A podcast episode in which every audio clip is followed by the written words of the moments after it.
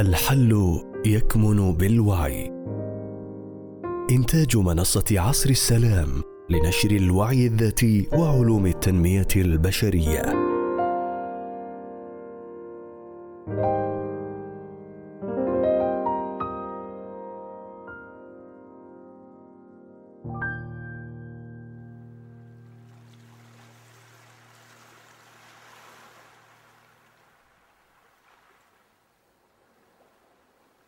تفكيك الإيجو. الشعور بالاستهداف ولماذا أنا بالذات؟ للكاتب يونس. قد يكون من أكثر الأسباب شيوعًا للدخول في عالم التنمية الذاتية هي أسئلة لم نجد إجاباتها سواء تساؤلات عن أنفسنا أو عن الحياة أو عن سبب وجودنا. ومن أكثر الأسئلة انتشارًا هي لماذا أنا بالذات؟ لماذا أنا بالذات مريض بهذا المرض النادر؟ لماذا أنا بالذات لم أتزوج ولم أنجب؟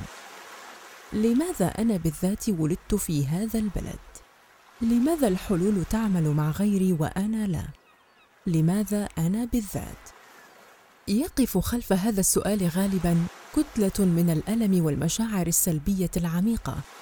وأكثر من يسأل هذا السؤال لا يبحث عن إجابة حقيقية. بقدر ما هو يريد التشكي فقط. لو قمنا بسؤال الإيجو شخصيا لماذا تعتقد أنك أنت بالذات كذا وكذا؟ فستكون غالبا إحدى هذه الإجابات اولا الشعور بالاستهداف.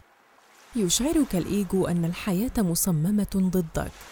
إذ يخيل للإيجو كأن الله خلق كل هذه الأبعاد والحياة والمجرات والكواكب. ثم أنت بالذات استثناء من الآخرين. لن تنال كذا وكذا أو محروم من كذا وكذا. شعور بالانفصال العميق والحرمان. لو نظرت بقليل من التجرد سترى أنه وهم واضح ومجرد كبر وتضخم للأنا. هل يعقل أن تكون كل هذه الحياة مصممة فقط حتى تؤلمك وتحرمك مثلا؟ منطقيا هذا غير ممكن. ومن المؤكد أن هناك تفاسيرا أخرى لما تمر به يطمئن لها قلبك. ثانيا العشوائية والإسقاطات. لا يرى الإيجو إيه حكمة في الحياة. فبالنسبة له فإن الأشياء تحدث بلا معنى محدد. تجربتك التي تمر بها هي محض صدفة. الأشخاص الذين يملكون الأشياء التي نريدها أو مروا بظروف أفضل منك. هم فقط محظوظون لا غير. وأنت طبعا لا يمكنك تغيير حظك وستبقى هكذا للأبد. معاناة شديدة. أو أنه يقوم بإسقاط السبب على كل شيء. ليس لك التحكم فيه. مثل البلد الفلاني أو الجينات أو الوالدين أو الوضع الاقتصادي أو الحظ. الأهم عدم تحملك للمسؤولية. ثالثا النظرة السيئة للذات ولومها.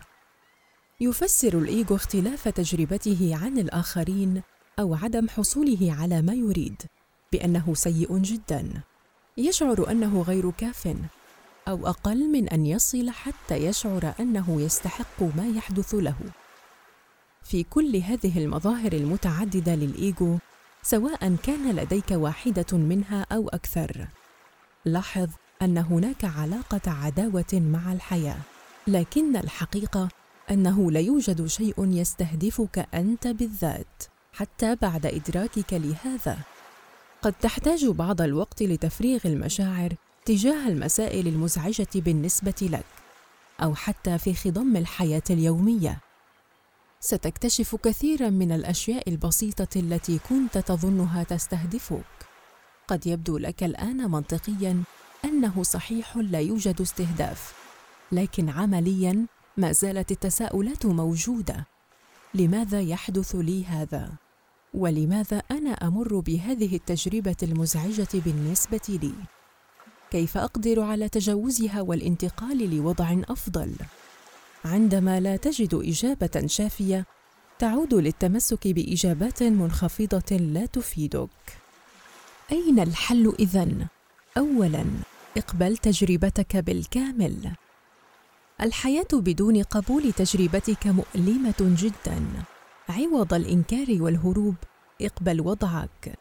وهذا لا يعني طبعا أنك لن تسعى لتغييره. قبولك لتجربتك يخول لك البناء والمضي قدما. عوض كثرة التشكي وخلق المزيد من العداوة والانفصال.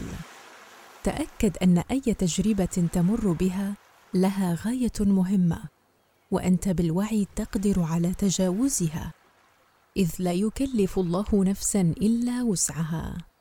ثانيا اعمل زوم أوت وضع الأمور في سياق جديد. أحيانا نرى الوضع من زاوية ضيقة جدا ونتمسك في هذا المنظور بشدة حتى يصبح حقيقيا جدا بالنسبة لنا. بالنسبة للإيجو فإن الحياة تحدث بالطريقة الخطأ. دائما كما يجب لها أن تحدث ويجب أن تتغير الأمور في الخارج حتى يرتاح. لكن بالنسبة للروح فإن الأمور في الخارج تحدث في أفضل حال دائما. كما يجب لها أن تحدث. حتى إن بدت غير ذلك فهي تعطيك ما يناسبك بالضبط حتى ترتقي وتتعلم وتتوسع. عوض الشكوى والعداوة والمقاومة. ترفق بنفسك. تواضع وافهم الرسالة. انظر للأمور في سياق أوسع من سياق الإيجو. جرب صناعة سياقات مختلفة تعطيك مشاعر أعلى. مثلا ماذا يمكن أن أستفيد من هذا الوضع؟ ماذا علمني هذا الوضع؟ كيف يمكن لهذا الوضع المزعج بالنسبة لي أن يقودني للتطوير من ذاتي ورفع وعيي من السياقات الرائعة التي تستطيع أن ترى الأمور من زاويتها هي رسالتك الروحية. أحد أسباب وجودك هنا كي تفيد عن طريقها الآخرين وتستفيد أنت أيضا. يمر بعض الناس بتجارب مختلفة لأن رسالتهم مختلفة ومميزة. وهذه التجارب هي التي عن طريقها يستطيعون إدراك رسالتهم هنا وتأديتها بشكل أفضل. قد يكون وجودك في بلد ما أو لون بشرتك أو طريقة كلامك المختلفة أو اختلاف عائلتك عن الآخرين أو غيرها. مما قد تراه أنت أشياء سيئة أو صعبة. كلها قد تخدمك في تأدية رسالتك وتطورك في هذه الحياة. ثالثا حرر مشاعر ما وراء الانزعاج. إن ما يزعجنا دائما هي المشاعر التي وراء عدم تحقق ما نريد. فنستنتج خطأ منا أن الحياة تحرمنا. لذلك استهدف مباشرة المشاعر المؤلمة التي تشعرها وحررها اولا بأول. لأنها هي التي تزعجك حقا وحتى لا تسقطها على الحياة وأنها لا تحبك أو تستثنيك مثلا. قد تشعر بالغضب من علاقاتك السلبية أو بالخوف من عدم قدرتك على تأمين المستقبل أو بالحرمان من عدم تحقق شيء ما. ضع انتباهك على الشعور نفسه لأنه هو مشكلتك وليس الحدث نفسه أو توفر الشيء من عدمه. قم بتحريره وستكتشف أن الأمر كان أبسط من ظنونك السابقة. فالحياة ليست عدوة لك. رابعا تحسين علاقاتك مع الله.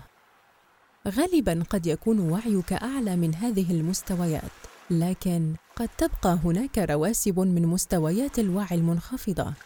تظهر لك في لحظات انخفاضك. لاحظ أحيانا عندما ينخفض وعيك أو مشاعرك. قد تشعر أن الله لا يحبك أو أنه غاضب عليك أو أنه غير مهتم فيك. وعندما ترجع لوضعك الطبيعي تختفي هذه الانخفاضات عليك بالتحرر منها وقد نتوسع في هذا الموضوع في مقالات قادمة. ملخص الموضوع أنه لا يوجد شيء يستقصدك أنت بالذات بشكل شخصي. هذا وهم للإيجو. وراء حدوث كل شيء هناك حكمة عظيمة حتى وإن لم تدركها الآن. الموضوع متشعب ولا يمكن لمقالة واحدة أن تلم بكل الجوانب. لكن يوما ما ستدرك أن الحياة تحدث لك وليس عليك.